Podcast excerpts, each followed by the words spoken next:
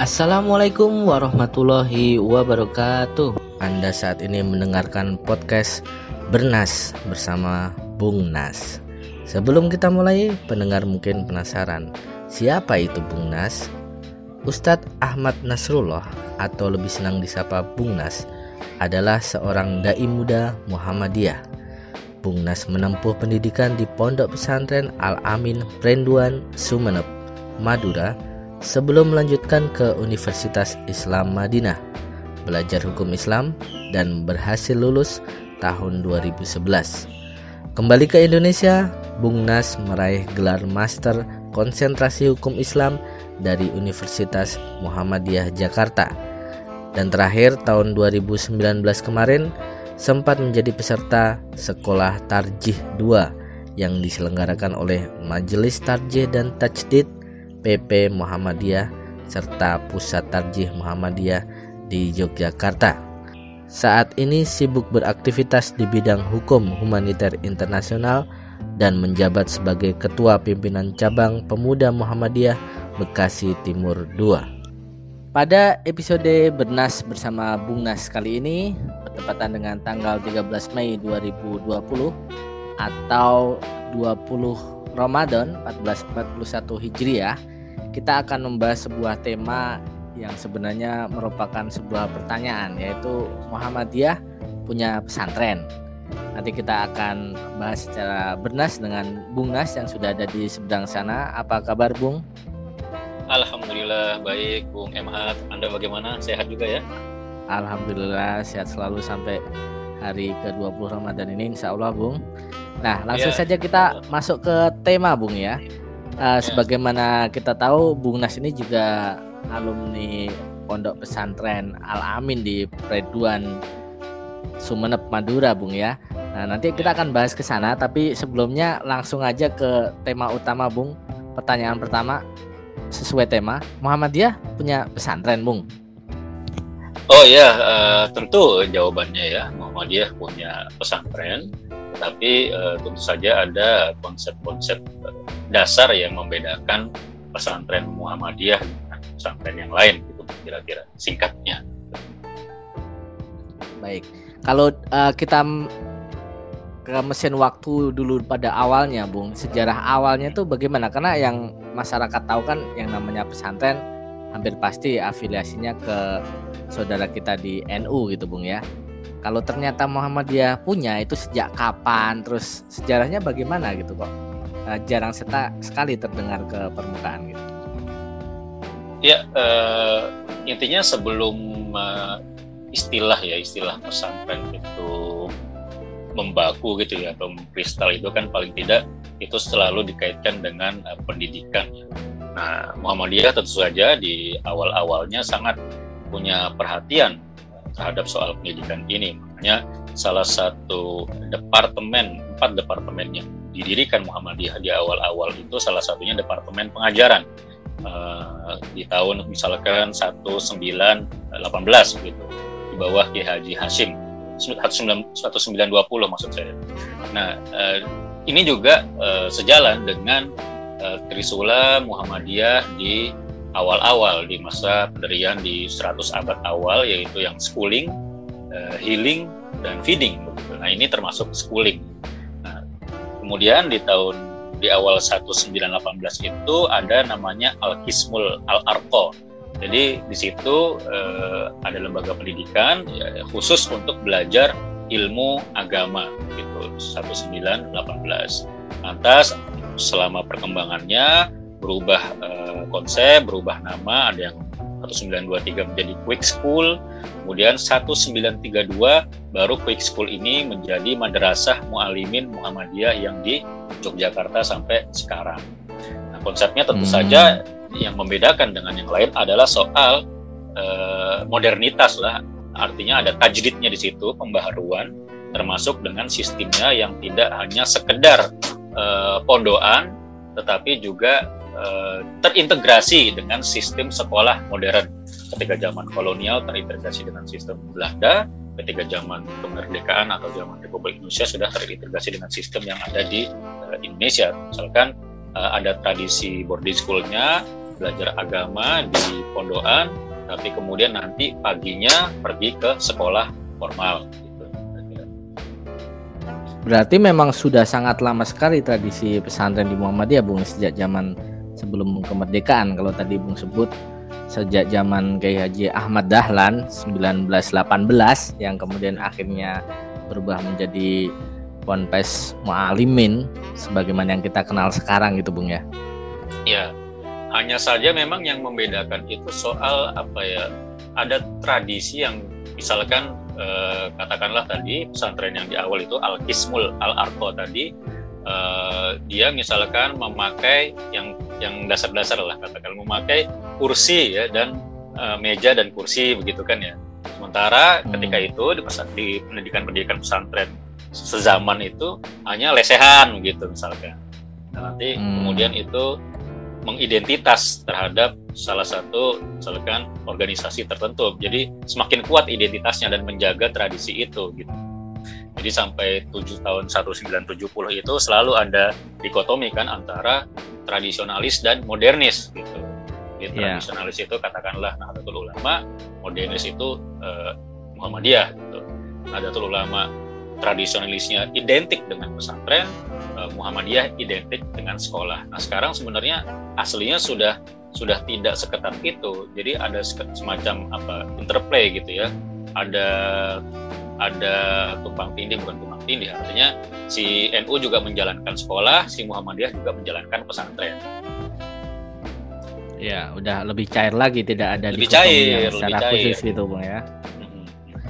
Nah, kalau ini Bung, tadi sempat uh, Anda singgung sedikit tentang tradisi khas pesantren Muhammadiyah di antaranya pada waktu itu sudah memakai bangku dan sebagainya.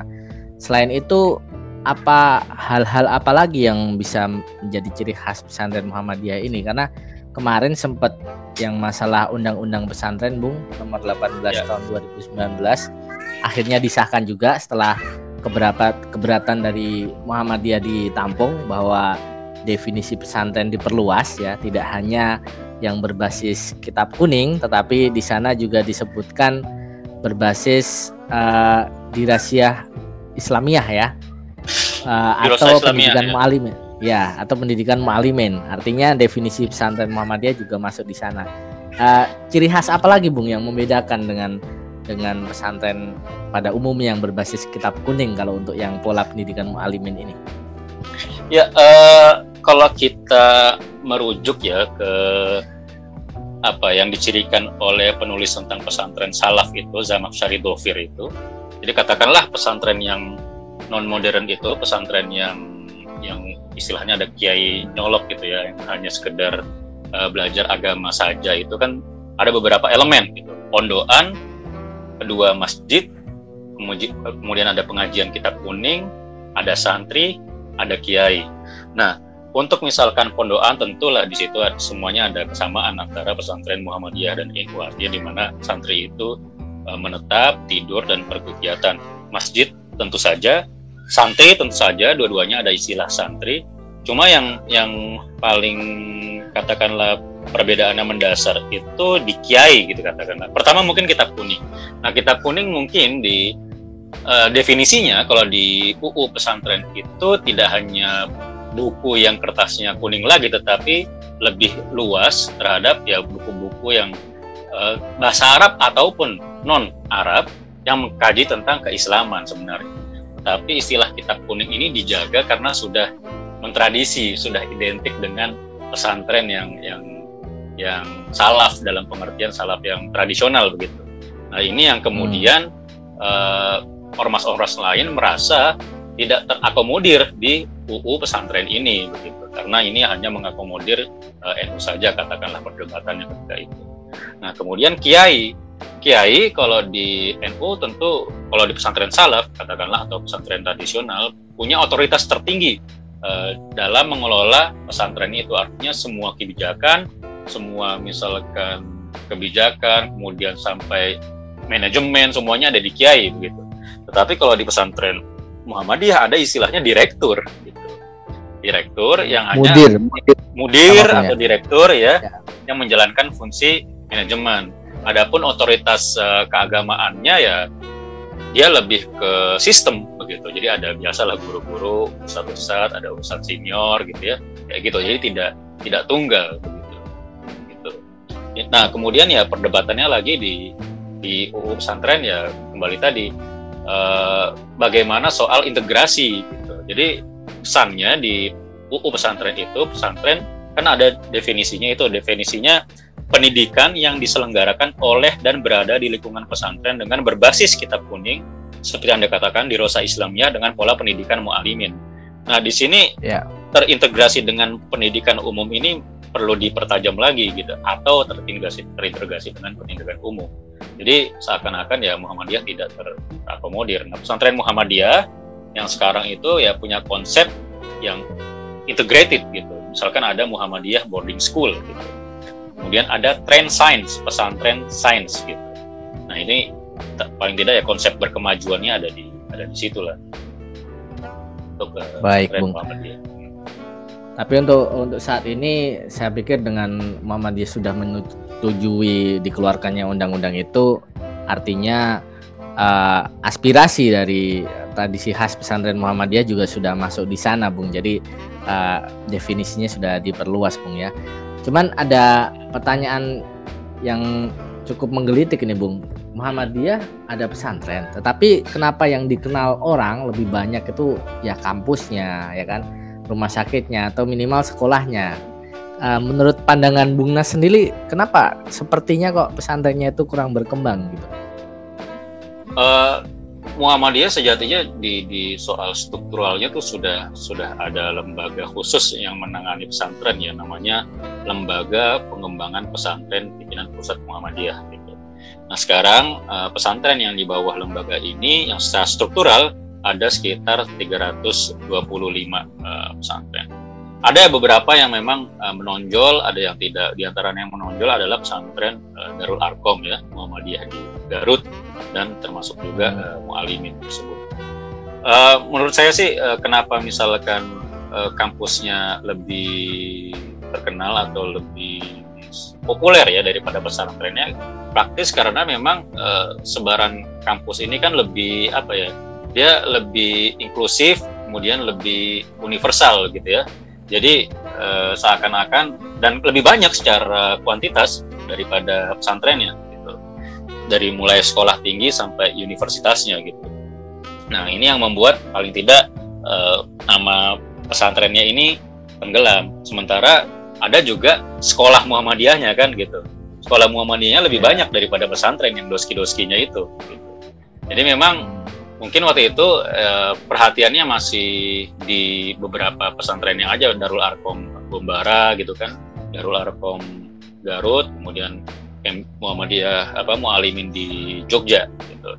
Jadi eh, saya kira penyebabnya ya paling tiga ya fokusnya lebih ke pengembangan eh, pendidikan secara secara umum. Karena Muhammadiyah juga sibuk ya dengan misalkan Eh, kontestasi uh, sistem perguruan tinggi dengan perguruan tinggi negeri begitu. Soal misalkan uh, manajemennya gitu misalkan soal uh, bagaimana melahirkan uh, sarjana yang uh, ber, berwawasan ya, imtak gitu. Berwawasan imtak dan ber, ber apa ber, uh, konsepnya tuh iman dan takwa tapi berwawasan uh, iptek begitu. Jadi ada integrasi hmm. antara ilmu-ilmu keislaman dan uh, ilmu-ilmu katakanlah ilmu-ilmu sains, ilmu-ilmu modern gitu. Nah, kalau di pesantren Darul Arkom cenderung cenderung santrinya itu lebih ke apa menciptakan santri yang memang saintis gitu. Jadi lebih fokus ke soal IPA-nya begitu. Kalau di Darul Arkom Garut hmm. itu ya gitu. Karena memang lagi-lagi mungkin mungkin benar ya tradisi soal kitab kuning, kitab kuning itu artinya tidak terlalu di, di, ditonjolkan karena mungkin lebih padat ya kurikulumnya lebih padat sehingga si pesantren Muhammadiyah ini lebih identitas keislamannya kurang menonjol lebih pada lebih kepada misalkan ya menciptakan ilmuwan daripada ulama karena uh, terintegrasi tadi Bung ya kurikulumnya ya Bung antara pelajaran umum dan juga keagamaan gitu Bung ya. Hmm, hmm begitu. Jadi uh, anak itu arahnya juga kemudian menjadi seperti kehilangan bukan identitasnya tidak terlalu mengerucut ya. Jadi lebih ke malah malah malah terkesan setengah-setengah jadinya gitu. Terkesan seperti itu gitu. Bahasa Arabnya uh, biasa saja artinya membaca kitabnya biasa saja padahal juga ada pelajarannya gitu. Artinya uh, penguasaan bahasa Arabnya tetapi uh, sainsnya juga uh, tidak terlalu menonjol tapi justru menonjol cuma tidak terlalu kelihatan juga. Nah sekarang ada pesantren sains uh, di di Jawa Tengah itu. Nah ini juga model integrasi tadi sebenarnya. Bagaimana menciptakan sains saintis-saintis yang muslim lah gitu kira-kira. Baik uh, untuk informasi aja uh, kepada para pendengar barangkali uh, siapa saja sih tokoh-tokoh yang lulusan pesantren Muhammadiyah yang sekarang mungkin sudah cukup dikenal oleh masyarakat gitu? Ya kalau dari sejarah tentu saja ya kalau yang lampau itu ada Pak Muhammad Rum gitu ya, nah, ya Mas Mansur, Kiai Haji Mas Mansur, Jenderal Sudirman sendiri, kemudian ada itu dari pesantren mana bu? Artinya bisa dibilang uh, santri lah, santri Muhammadiyah berguru kepada uh, ulama Muhammadiyah dan alumni Quick School tadi sebelum jadi mualim hmm. gitu school tadi. Nah, lantas sekarang kalau kita tahu ada namanya ya sekarang anggota Majelis Tarjih dan Tajrid pimpinan Pusat Muhammadiyah itu uh, Ustadz Wawan Gunawan Abdul Wahid. Nah, itu cukup uh, oh, iya. terkenal itu. Nah, beliau itu alumni pertama pesantren Darul Arkom Garut. Lantas hmm. kemudian ada Ustadz Adi Hidayat ya. Ada hmm. Pak Depi penulis gitu. Uh, katakanlah hmm potret alumni ya, profil alumni pesantren Darul Arkom Muhammadiyah Garut. Kira-kira gitu itu salah satu alumni pesantren Muhammadiyah. Memang memang Baik. lebih sedikit ya lebih terkenal kampusnya karena di setiap provinsi hampir ada. Gitu. Baik. Uh, karena masalah kuantitas saja kalau dibanding dengan sekolahnya gitu bu ya maksudnya ya. Iya. Kalau untuk ini bung uh, banyak juga tokoh-tokoh Muhammadiyah sebenarnya lulusan pesantren juga, tapi bukan pesantren Muhammadiyah. Tadi sempat disinggung masalah setengah-setengah ini kayak misalnya Kiai Din Samsudin hmm. itu kan dari Gontor Bung ya, betul. yang yang modern juga sebenarnya menerapkan betul, betul. Uh, umum dan juga dan agama, termasuk pesantren Bung sendiri kan dari yeah uh, Sumenep Amin Sumenep itu juga konsepnya sama karena dia afiliasi dengan Gontor. Nah itu itu gimana bang? Artinya kita sebenarnya bisa berkiblat ke sana ya yang sudah terbukti uh, sangat lama sekali bisa mengintegrasikan itu tapi tidak kehilangan ruhnya gitu ya. Ya. Menurut bung gimana itu? Ya, memang yang persoalan mendasar ya bagi bagi pesantren katakanlah pesantren modern Muhammadiyah dan Muhammadiyah itu kan soal paham kemuhammadiyahannya kan. Jadi kalau pesantren Darul Arkom yang jelas-jelas Muhammadiyah tentu di situ yang paling penting adalah proses perkaderan di situ gitu kan. Jadi paling tidak misalkan organisasi siswanya itu IPM, Ikatan Pelajar Muhammadiyah yang tidak ada di Gontor dan di Pondok Saya Al Amin kayak gitu. Nah, tapi hmm. e, jadi jelas di situ e, teman-teman atau tokoh yang keluar dari pesantren Darul Arkom soal paham Muhammadiyah itu lebih lebih matang gitu. Sementara yang dari yang, yang dari Gontor ataupun yang lainnya mungkin dari segi bahasa ya, dari segi bahasa Arab, dari segi bahasa Inggris lebih menonjol tapi nanti kemudian termuhammadiyahkan di masa uh, level uh, sekolah pendidikan selanjutnya gitu kan kayak kayak uh, Kiai Din Samsudin kan sebelumnya dulu pernah di IPNO sebelum masuk Gontor itu. Jadi dia pernah di NU, cuma waktu itu sebelum hmm. masuk Gontor. Setelah masuk Gontor kan yeah. karena nggak ada nggak ada sayap organisasi organisasi Muhammadiyah karena netral, jadi vakum dulu dari Muhammadiyahan termasuk saya. Baru uh, Pak Din setelah dari Gontor ketika kuliah di IAIN Ciputat masuk IMM kan gitu. Ada juga hmm. uh, Profesor uh, siapa Amin Abdullah Nah, Amin Abdullah juga hmm. uh, alumni Gontor.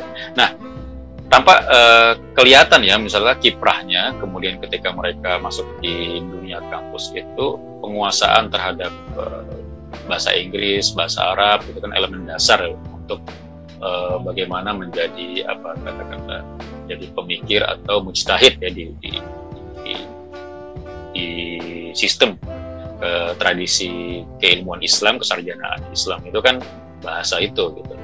Sementara dan, dan juga menjadi ini paling tidak good speaker gitu.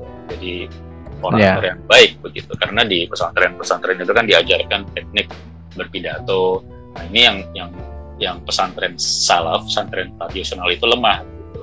Jadi di pesantren tradisional itu oh, mereka diajarkan baca kitab gitu, tapi ngomongnya kurang gitu.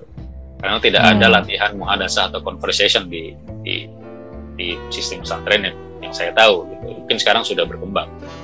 Jadi ada ada ada kelemahannya juga ya, ada kelemahan, ada kekuatannya sendiri. Kalau di pesantren tradisional misalkan kekuatan terhadap misalkan uh, bahasa dalam artian gramatikalnya ketika membaca kitab kuning, kitab Arab itu sangat dalam begitu. Tapi ketika bicara dengan bahasa Arab, nah, mereka mungkin tergopoh-gopoh. Hmm. Termasuk juga bahasa Inggris. Itu uh, dulu ya tahun 90-an. Sekarang mungkin sudah lebih semuanya sudah lebih berkembang. Nah kalau di pesantren Muhammadiyah ini uh, citranya nih belum kelihatan. Kalau kalau pesantren modern dulu pesantren modern kayak Gontor itu jelas soal bahasa misalkan. Kalau pesantren salaf bahasa maksudnya dalam percakapan ya. Kalau pesantren salaf bahasa dalam artian membaca. Nah kalau pesantren Muhammadiyah yeah. ini tidak terlalu kelihatan ini cirinya gitu. Jadi bahasanya hmm. juga nanggung gitu percakapannya juga nanggung, kemudian uh, sainsnya ya juga nanggung gitu. Nah sekarang kemudian mencoba lebih uh, di, dirapikan lagi dengan usulan standarisasi pesantren di lingkungan uh, Muhammadiyah. Bagaimana menerjemahkan visi berkemajuan itu, bagaimana menerjemahkan tajrid termasuk ya bahasa, wawasan kebangsaan dan sebagainya. Gitu. Baik, Bung. Ini bahasan yang bagus sekali sebagai otokritik juga bagi kita warga persyarikatan gitu Bung ya. Bagaimana ya. untuk membangun tradisi pesantren ini yang yang lebih uh, berkualitas lagi karena ternyata hmm. sejarahnya sudah panjang, kemudian ya. uh, sumber daya sumber dayanya juga sudah ada gitu kan. Hmm. Hanya mungkin belum terlalu berkembang di masyarakat dan bahkan internal sendiri pun belum banyak yang tahu gitu kan. Nah, ini ini PR buat kita semua.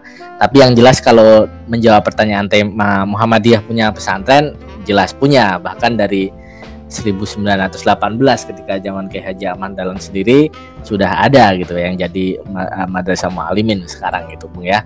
Iya. Artinya kita tidak tidak ketinggalan dalam dalam tradisi khas uh, pendidikan pesantren ini. Baik yeah. Bung, mungkin uh, untuk pembahasan cukupkan sekian dulu ya. Akan ya. sangat menarik sekali ini membahas sejarah, sejarah pesantren atau mungkin sejarah yang lain nanti kita bisa sambung lagi pada episode selanjutnya. Terima kasih atas waktunya, Bung Nas. Sehat selalu. Ya, Wassalamualaikum warahmatullahi wabarakatuh. Waalaikumsalam warahmatullahi wabarakatuh.